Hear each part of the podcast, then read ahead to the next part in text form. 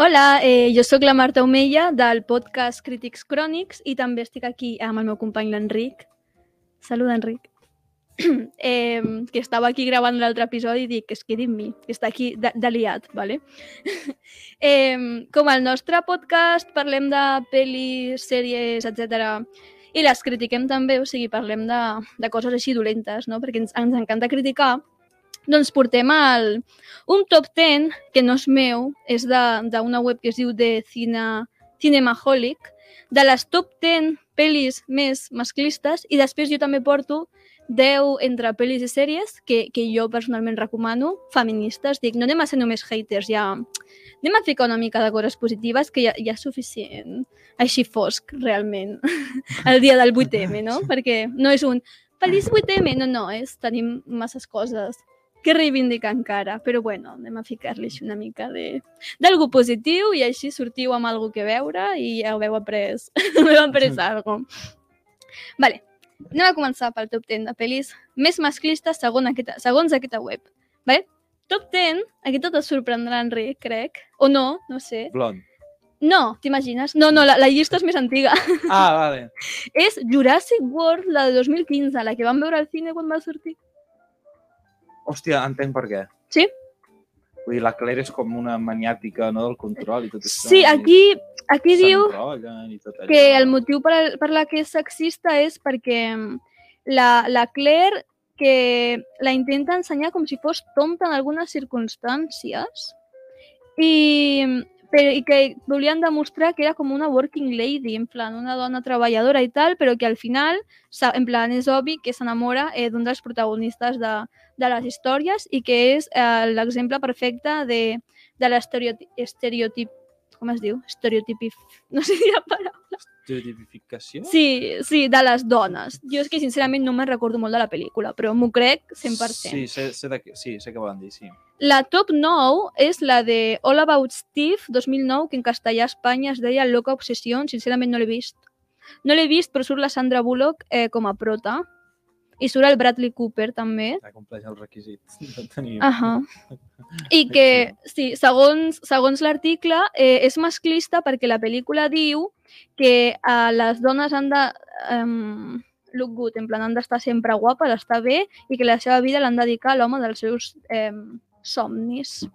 No, no puc jutjar perquè no l'he vist, però és que 100%, 100 m'ho crec, saps? Sí. Una que crec que, que pots... que no te sorprendrà que estigui a la llista. 50 són. No, Crepúsculo. més antiga, és un clàssic. O no, clàssic. Pues, alguna... Un clàssic dels 90. No sé. Pretty Woman. Ah! Ah! ah Efectivament, té, té sentit, no? No fa falta que doni explicacions, suposo.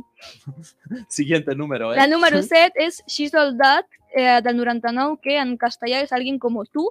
És bàsicament, crec que és com una noia mig pringada que li fan un makeover i ara és la puta hòstia. A més, és una, és una mm, apuesta, com es diu en català, és una aposta entre, entre l'home que li fa el makeover i, i pues, els seus col·leguis. La 6 és Perros de paja. Sincerament no sé quina és. Jo tampoc. Mm, La però de Soldal sabia de què anava. sí, No no, sé quina és, però segons aquest article el que és sexista i el que fa que te sentis incòmode és que hi ha una escena que és pràcticament una violació, o sigui, no és una violació, diuen, però que és com molt incòmoda perquè realment, com lo típico, o que insiste mucho o, Mm. o tal. Després, la cinquena també és un clàssic que per, no sé per què m'ha sorprès i després he dit no, o sigui, té, tot, té tot el sentit que estigui aquí. Suposo que m'ha sorprès perquè estic acostumada a que la pel·lícula estigui superestimada per la gent i la pel·lícula és Gris, del 78. Clar, és que la pel·lícula és molt masclista, Sí, sí, sí. però crec que com, com l'època dels 50, ningú... O sigui, perquè s'ha gra... o sigui, es va fer el 78, però la pel·lícula està ambientada en els anys 50. Crec que ningú s'ho qüestiona, no? Perquè té com sentit També. Que sigui masclista. Era la enllà- mentalitat de l'època, no? Llavors a ningú ens sorprèn, però és que si te pares a pensar, sí. O sigui, és una pel·lícula que... És que també és això, la trama principal és una noia que canvia tot sobre la seva identitat per acabar estant amb el noi que li agrada. Clar, clar, clar, clar. I eh, no només és això, també són comentaris, tant en cançons com en diàleg, on se cosifica bastant a la dona. No ens sorprèn. A- Ens fa mal? Sí. Fa mal. Però no podem canviar i que ningú faci un retelling, ni un reboot, ni un remake de Gris, que crec que han fet una sèrie, una sèrie que és de la Pink Lady. Eh, no la veuré, no, que ningú faci res amb Gris, sisplau. La podem, la podem estimar amb les seves imperfeccions. Eh, la quarta pel·lícula és una que sincerament no havia escoltat en ma vida, però bueno, que es diu Gigli i en castellà Una relació peligrosa, que a mi el títol ja m'ho diu tot. És de 2003, surt la Jennifer López i el Ben Affleck. Ah, i que la J-Lo fa d'un personatge... Oh, uh, sí que és problemàtica, sí. Eh, la J-Lo fa d'un personatge que és una lesbiana, però que s'enamora del seu jefe, no, del seu coworker, del seu company de feina. Però és un home. Sí, sí, sí, sí, sí, sí. És, és, és, Una, una dona lesbiana és la que s'enamora... lesbiana que, que, que s'enamora quan coneix un home. bon home Sí. se li passa. Sí, pues 100% no l'he vist, però és problemàtica i no la mireu. La, la número, o pirategeu-la si la voleu veure i només amb una eh, mirada crítica, si us plau. si la miren pagant és finançament del terrorisme, vull dir. No? Pirategeu-la, m'és igual que sigui legal. No, no sé si puc dir això aquí, però... eh, la número 3 es diu Irreversible. Crec que és francesa, 2002. O passa a, Fran a, a França. No l'he vist, sincerament. Eh, és de Gaspar Noé i el moment horrífic és... Sí, és una violació que és brut, o sigui, està gravada molt a lo brutalment i molt salvatge i per això que la pel·lícula és molt disturbing, com ho diries en català? És molt... Perturbador. Eh, això, és molt pertorbadora i, i això, que no. Dios Um. És com espectacle de la violació, no? Que tothom estigui allí mirant a lo, oh, a veure... És, crec que és això el que la fa túrbia. Sí. Perquè tu pots mostrar una violació, però sense fer que sigui algo així tan espectacle, suposo. perquè s'aprengui consciència del com de traumàtic és uh, una violació. Mm -hmm, però sense explotar-lo. Exacte. I la segona es diu Last Tango in París, en 1972. Tampoc l'he vist, no, no tinc cultura audiovisual, però tenim podcast sobre, sobre pel·lis i, i sèries i tal, però no l'he vist, no us mentiré i diré que sí. A més, has Em, estudiat audiovisual. Sí, he estudiat comunicació audiovisual, estic fent un màster en guió, però no tinc ni puta idea de cine. Ah, Benvinguts al meu podcast, va literalment sobre això. eh, el protagonista es diu, o sigui, és Marlon Brando i fa d'un senyor que es diu Paul i què, què és lo problemàtic? Mm... Uh, vale, si són escenes és com molt explícita quan no feia falta que fos explícita, és també com espectacle, ara anem a ensenyar Vale. aquesta tia amb boles, crec que és això lo problemàtic, la cosificació de la dona. I la primera pel·lícula, o sigui, la més eh, masclista, segons aquest article, és una bastant famosa. Eh, es diu... El, és El dictador, 2012. Horrible. Horrible, No sé ens diuen, és. des de, des de control. No, no saps quina és? No, no em ve el cap. Bueno, Potser és, Si... és bastant famosa. Bueno, jo crec que és bastant famosa. Quan No, has dit el dictador m'ha en Chaplin, però... no és el 2012. És així Clar, com de, de comèdia, crec. Ai, no. Ui, Bueno, que, que és problemàtica i perquè és problemàtica... Mm, mm, no sé, crec que és lo típic de que utilitzen humor problemàtic Sí, on hi ha allò. un munt de sexisme, de masclisme... com és allò que les típiques pel·lis... Bromes que ara no farien ni puta gràcia. Bueno, a, a gent amb dos dits de ¿Has front. las tetas de esa tía? Guau, ja, ja, ja. Ajá. Sí. Eh, eh, lo típico. Sí, és de jaja, tetas culo... No, no feu això. Exacte. No, Enric, tu tens alguna, alguna pel·lícula o sèrie que se't passi pel cap que diguis buah, és, era horrible, la vaig veure i... Doncs fa un temps vaig veure 50 sombres de Grey. però, Teniu l'episodi disponible a la nostra plataforma de Spotify, si voleu patir amb nosaltres. però allò més que masclista també va ser traumàtic Sí. El pitjor és que està escrit per una dona, que I això és no- algo molt interessant i no també. vull parlar.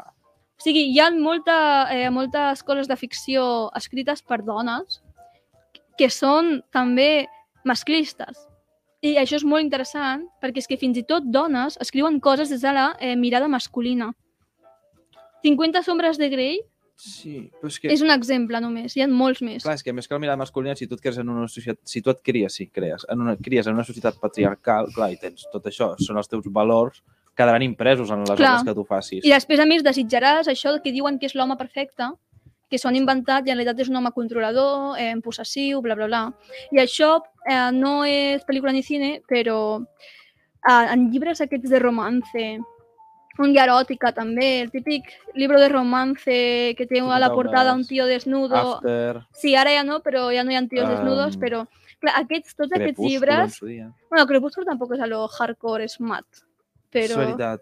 però també, no, també entraria. És alguna mena de fetitxe amb vampirs, Hmm. curiós. Sí, Sí. tot aquest gènere, eh, tant eh, literari com qualsevol tipus de ficció, és això, són novel·les escrites per dones, que després les consumeixen dones, majoritàriament, on els tios són uf, però uns personatges que a més està de moda los jefes de la màfia. Tu has vist aquest subgènere de jefe de la màfia s'enamora de ti, mata No. per tu...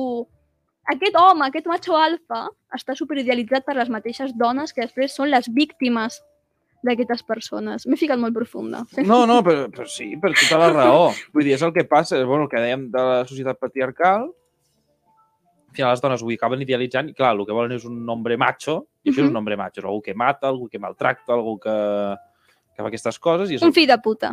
Anem a ser clars. digámoslo de ese modo. Mm -hmm. Ah, no, no, no, Hem no. aquí reflexionant, eh? Dóna molt a pensar. Bueno, no. si voleu ara, canviem una mica les vibres de quina llàstima de societat i de, Què i de dit? persones. que has dit fill de puta? Saps que una professora meva diu que dir puta per insultar? Oh. En realitat, No, tens raó, tens el raó. que s'ha de fer és, És diput... l'ofici més antic de la història. el que s'ha de fer és diputero. No, tens raó. De fet, m'estic llegint a un llibre ara, bueno, l'estic escoltant en audiolibro, que ara us dic el títol, gent, que es diu eh, Wordslat, a Feminist Guide, o sigui, una guia feminista de com reapropiar-se eh, el, o sigui, l'idioma anglès, ho sento, és, és en anglès, no, no hi ha versió en espanyol, però els que aquí és que enteneu l'anglès, us el recomano perquè tot això que dius tu d'insults, que estan tots basats, o sigui, és que va, deia el, el, el percentatge, no me'n recordo, però era tan alt en insults tots basats en, en les dones, Allo, tots. Gairebé tot. I alguns eren sobre el teu aspecte físic, altres eren sobre si eres una zorra, els altres eren sobre si eres una, en plan, una persona així com massa mala gent, saps? Allo, quan, perquè quan diuen bitch Histèrica. volen dir també que siguis com una mala persona, i els altres eren és això, en plan, sobre sexualitat, sobre el teu pes o la teva aparença i sobre la teva actitud, i tots eren sobre dones, era com un 60% de tots els insults estaven basats en la figura femenina. el mateix histèrica ve de bueno, Freud, quan va començar a analitzar la histèria, eren Mhm. dones les víctimes que havien estat a casa tot el dia. I ara avui en dia, doncs, què es diu? D'una dona que està molt ah, revolucionada, Mhm. histèrica. pues això, que aquest llibre està, està interessant i parla de tot això dels insults que, que acabes de dir i la veritat és que la teva profe té raó i jo mateixa sóc culpable d'utilitzar insults i expressions sexistes com dir que algú és un conyazo o tal, no? Perquè per què conyazo és negatiu? Pues això. I quan algú és la polla, és, És bo. positiu, exacte, que, que sí, que, que ho sento, eh? Jo, jo també estic culpable. Tots, tots. A mi el primer també. Uh -huh. Bueno, canviem les vibres, ens fiquem uh, positius. I vaig a fer vale, una, una recomanació de pel·lis barra sèries que són feministes o que jo opino que són feministes. Eh, Un petit disclaimer, o sigui, us aviso que aquesta és la meva selecció d'allò que conec. Mm, Segur que hi ha moltes coses boníssimes que no he ficat i que fins i tot algunes les he vist i tot però no se m'han passat pel cap, o sigui que ho sento molt si m'he deixat la vostra sèrie preferida. Ah, també jo les he dividit per categories, però és molt probable que aquestes categories es barregin, no? Perquè moltes sèries tindran personatges racialitzats o LGTB o trames sobre l'abús sexual, però com no són lo principal, no l'he ficat dintre de la categoria, les he ficat cadascú Va. sobre lo principal. I l'altre disclaimer, el tercer, és que si heu més certes una sèrie, sobretot, molt famosa sobre el feminisme.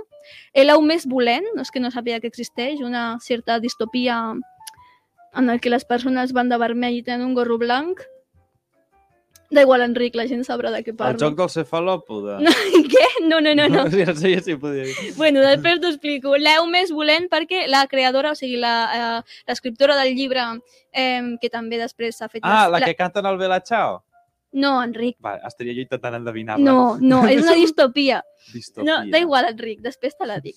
Que la- l'escriptora del, del llibre del que s'ha fet la sèrie és una TERF i jo no li vull donar una plataforma a les persones TERF i no vull recomanar la seva sèrie.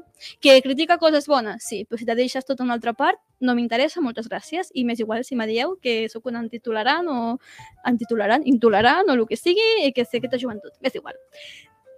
Ara ja, començant, espera, que se m'ha anat tot. Vale. La primera categoria que he ficat, les categories per anar-la una mica a la ligera, però històrica, o sigui, basats en fets reals, expliquen coses reals, es diu Mrs. Amèrica i la podeu veure a HBO. Aquest explica eh, la verdadera història del moviment per ratificar la... Com es diu el MIND en català, Enric? Esmena. esmena, perdó, eh? esmena de la igualtat de drets i la inesperada reacció liderada per una dona conservadora que es diu Phyllis Schlafly. I pues, es veu eh, a través dels de, els ulls de les dones d'aquella època. I es veuen persones reals eh, feministes de la segona onada, com Gloria Stein, no sé com es pronuncia, Steinem, Betty Friedan, Shirley Chisholm, Bella Abzug i Jill Ruckelshaus. I també és això, pues, és els anys 70, tot això, tota aquesta història. A mi m'agrada molt, m'ha semblat molt inspiradora i tal, tampoc és la millor sèrie del món, però a mi no sé per què m'ha agradat. A més, el cast és molt bo, o sigui, surt Kate Blanchett i Sarah Paulson amb això. Us ho venc tot, jo crec. I també m'agrada que no només veus a les feministes a lo, lluitant per la, per la lluita feminista, sinó que veus altres dones conservadores que es van oposar al moviment i van crear el seu propi moviment, que no me'n recordo el nom, però... I això va existir. I és, a mi m'agrada també quan s'ensenyen com les dones que també són masclistes no? Perquè és com te fa pensar i t'adones compte de que no només són els homes, sinó que hi ha dones que també són masclistes. I també al mateix temps aprens la història, crec jo. Clar, clar, i aprens històries de jo no puta madre. qui era Phyllis Schlafly ni Gloria Stein. Jo et recomano la sèrie, Enric. Vaig veure el tràiler, vaig veure per Ah, vas mirar el tràiler? Sí, em vaig quedar amb els noms i ara sé qui són. Està Ja guai, no està guai. A més, jo no sabia res d'això perquè, clar, Pintava bé. per exemple, ma mare ho sabia perquè ma mare estava viva en aquella època. Jo, com vaig néixer, quan hi ha, a més, a Espanya, la gent dels Estats Units potser coneix més d'aquesta història. Jo no, perquè me pillava més lluny i m'agrada entendre tot. I a més també t'ensenyaven diferents corrents del feminisme. En aquella sèrie hi havia dones republicanes, republicanes als Estats Units, eh? no les d'aquí de, de la República, en plan... Els que ara voten al Trump, pues abans era altra gent, i hi havia fins i tot dones republicanes feministes, i es juntaven al moviment. O sigui, en això es juntaven i deixaven les seves diferències per lluitar pels drets de les dones, i és molt interessant això. I, i també hi havia dones d'aquell moviment que eren una mica homòfobes i no volien incloure les lesbianes en el moviment, però després hi havia lesbianes també, hi ha personatges reals que eren dones lesbianes, també hi ha dones negres que van crear el seu propi com moviment apartat, i, o sigui, parla de tot. Està molt interessant. A mi m'agrada.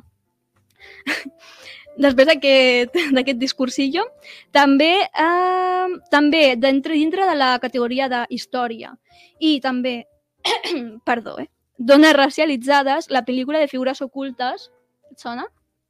Parla de, de uh, la història de la matemàtica Catherine Johnson, o sigui, era afroamericana, i també Dorothy Vaughan, no sé pronunciar els noms, i Mary Jackson, eh, qui treballaven a la divisió segregada de càlculo de ala oeste del Centro de Investigación Langley, que van ajudar la NASA en la carrera espacial. I utilitzant els seus càlculs, eh, John Glenn es va convertir en el primer astronauta estatunidenc eh, en fer una òrbita, òrbita completa eh, de la Terra. O sigui, hi van ser aquestes dones que estaven darrere de tot això i segurament durant l'època no van rebre la, el reconeixement i ara sí. Te sona la història o no?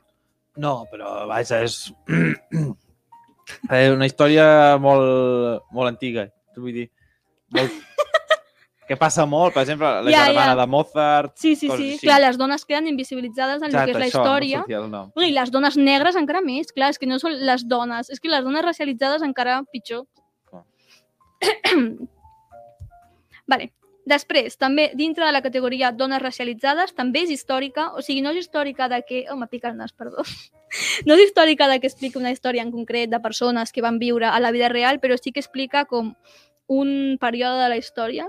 Eh, I també és LGTBQ, que és Pose a HBO. Alguns potser discutireu que la temàtica de la sèrie no és el feminisme com a tal, i no, no ho és, però la majoria d'aquestes protagonistes, menys, o sigui, també hi ha homes, però la majoria són dones trans, a més, dones racialitzades, la majoria són negres, crec, i crec que és molt interessant perquè t'explica, no només hi ha, hi ha moltes pel·lícules amb la perspectiva de dones blanques cis com a eh, protagonistes i crec que així veus com un altre punt de vista i crec que per algú que encara no estigui molt fami- familiaritzat amb el tema trans, si veu aquesta sèrie, l'ajudarà a entendre millor què és una persona trans i per què també són dones, saps? O sigui, és com per obrir la ment i per també perquè la sèrie és superinteressant, o sigui, a mi m'agrada molt. Jo la recomano 100%, no, no dic ni de què va, però va ambientada als anys 80, eh, mostra tota la cultura del ballroom a Nova York i també a un munt la crisi, de, la crisi del SIDA. Clar, perquè era durant aquella època i les més, de les més afectades eren homes gais, dones trans i, bueno, i drogadictes, crec. Però, clar, dones trans estaven també allí. Llavors, veus també eh, pel que van passar. Després, eh, seguint per la temàtica LGBT, eh, tinc The L Word, que no és una sèrie tampoc la temàtica principal sigui el feminisme, però saps aquestes sèries que són simplement protagonistes que els hi passen coses i van vivint? Com a Sex en Nova York, que, que van, els hi van passant coses i van vivint. I clar, si les protagonistes són dones, realment ja tindran un munt de situacions masclistes en la seva feina i tal. Llavors, per això l'he inclòs, perquè me sembla que, a més, una és esportista, l'altra és com una jefa molt jefa i no se la prenen en sèrio per ser dona, o sigui, està bé, tot i que la temàtica no estigui principalment el feminisme, però totes són dones i per ficar Sexo en Nova York, que jo és una cosa ahí super neoliberal, saps? Eh, dic, millor fico això, que totes les protagonistes són lesbianes, saps? I parlant de diverses... I també és més orgànic, si és simplement, mira, la vida d'aquesta persona ja es troba en aquesta situació. Claro, claro, claro, exacte. Com passa. Uh -huh. I, bueno, ara hi ha una nova, com un remake, reboot. Són les mateixes actrius, més alguns nous, que es diu uh, The L Word Generación Q, i allí hi ha encara més diversitat, perquè crec que hi ha personatges trans, personatges no binaris, segurament també més diversitat. O sigui, està, en plan, està bé, jo la recomano. Després, entrant en un tema una miqueta fosc eh, sobre l'abús sexual, que també havia d'haver, perquè és un problema mm, molt present, uh, que és una que es diu Unbelievable, que uh, es pot veure a Netflix, i és una minissèrie d'una investigació real que va passar 2009 sobre una violació i està basada en una història real, és una adolescent que informa que és violada i després es retracta de la seva història i són dos detectius que van seguint totes les pistes fins que trobin la veritat. Perdó. Després, així un clàssic, per dir-ho d'alguna manera, i aquesta pel·li és com més totalment diferent de les vibres de lo que acabem de dir, és més light i més bonica, és Mujercitas, la del 2019, que a mi m'encanta, eh, la podeu veure a Prime, diria, estic segura, bastant segura que la podeu veure a Prime, i jo la recomano, no sé si fa falta que us expliqui de què va Mujercitas. Tu saps de què va Mujercitas, Enric? No. El pobre Enric se deu sentir que està com en un examen, a lo... No, no, però bé. I allí, bé. saps això? Eh, bueno, Mujercitas, que està basada en, en el llibre original, eh, són germanes, una família està... Quins anys eren? Mm, sí, Following the Civil War, la, la guerra civil.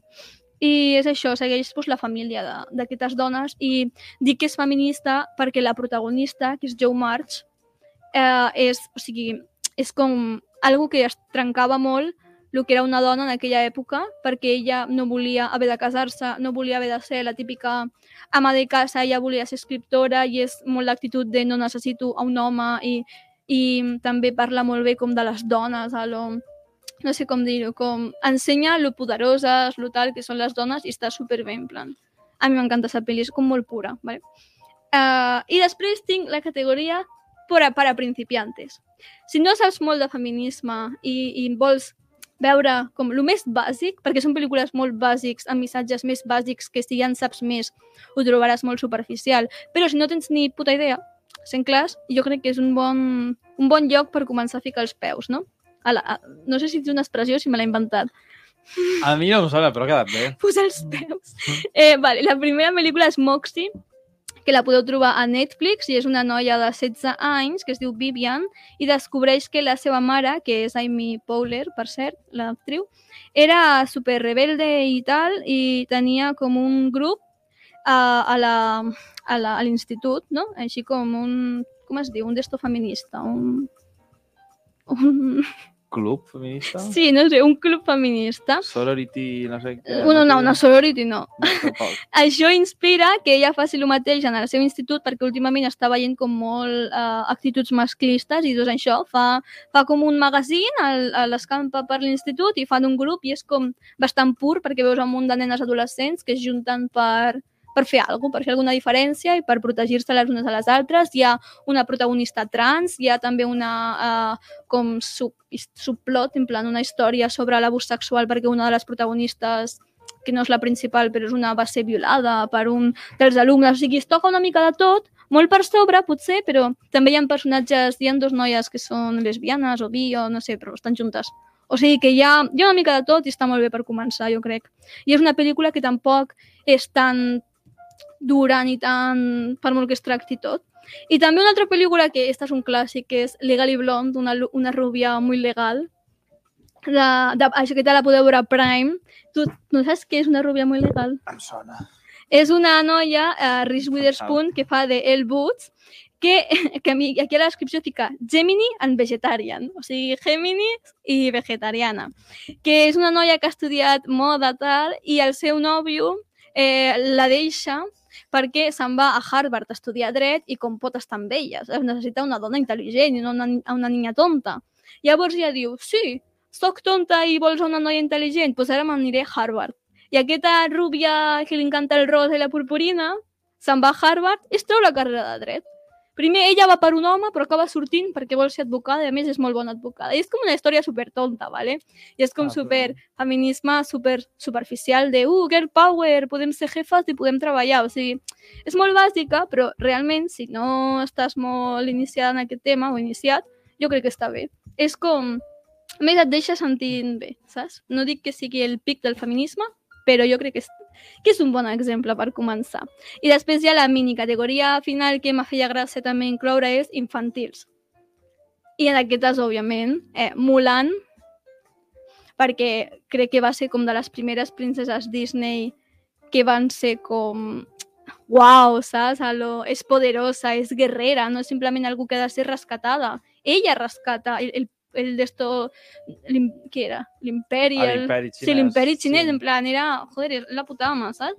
En plan, ara això està bé, i després ha ficat Frozen, que ja sé que tothom i sa mare i son fill i son cosí han vist Frozen. Has vist Frozen, Enric? He vist Frozen. Ah, Vale, dic. Però, Això sí, les infantils sí. sí, per molt que sigui hiperfamosa i tothom estigui cansat del Let It Go, que jo ho entenc, però és que realment Frozen està molt bé. O sigui, Elsa és la puta ama. Elsa és una eh, girl boss, Elsa no necessita un home i, i ningú que la rescati. I això a mi pues, m'agrada i jo crec que és un molt mens- bon, molt bon missatge, perdó, no sé parlar, és molt tard. I, I bueno, jo ja fins aquí tinc les recomanacions. Jo recomano que les veieu totes uh, i si no, no passa res. I si teniu alguna recomanació que me voleu fer saber, m'ho podeu comentar al compte d'Instagram de Crítics Crònics, arroba Crítics Crònics. I fins aquí estaria el nostre petit especial uh, del 8M, el que he arrastrat el pobre Enric perquè estigui aquí només dient-me, oh, sí, No, però però t'he escoltat. m'ha escoltat. Està aquí de, de, de suport moral, no? Exacte. I bueno, fins aquí, gràcies per veure'ns i escoltar-nos i un besito i bueno, feliç 8M no, però ja m'enteneu, molta força.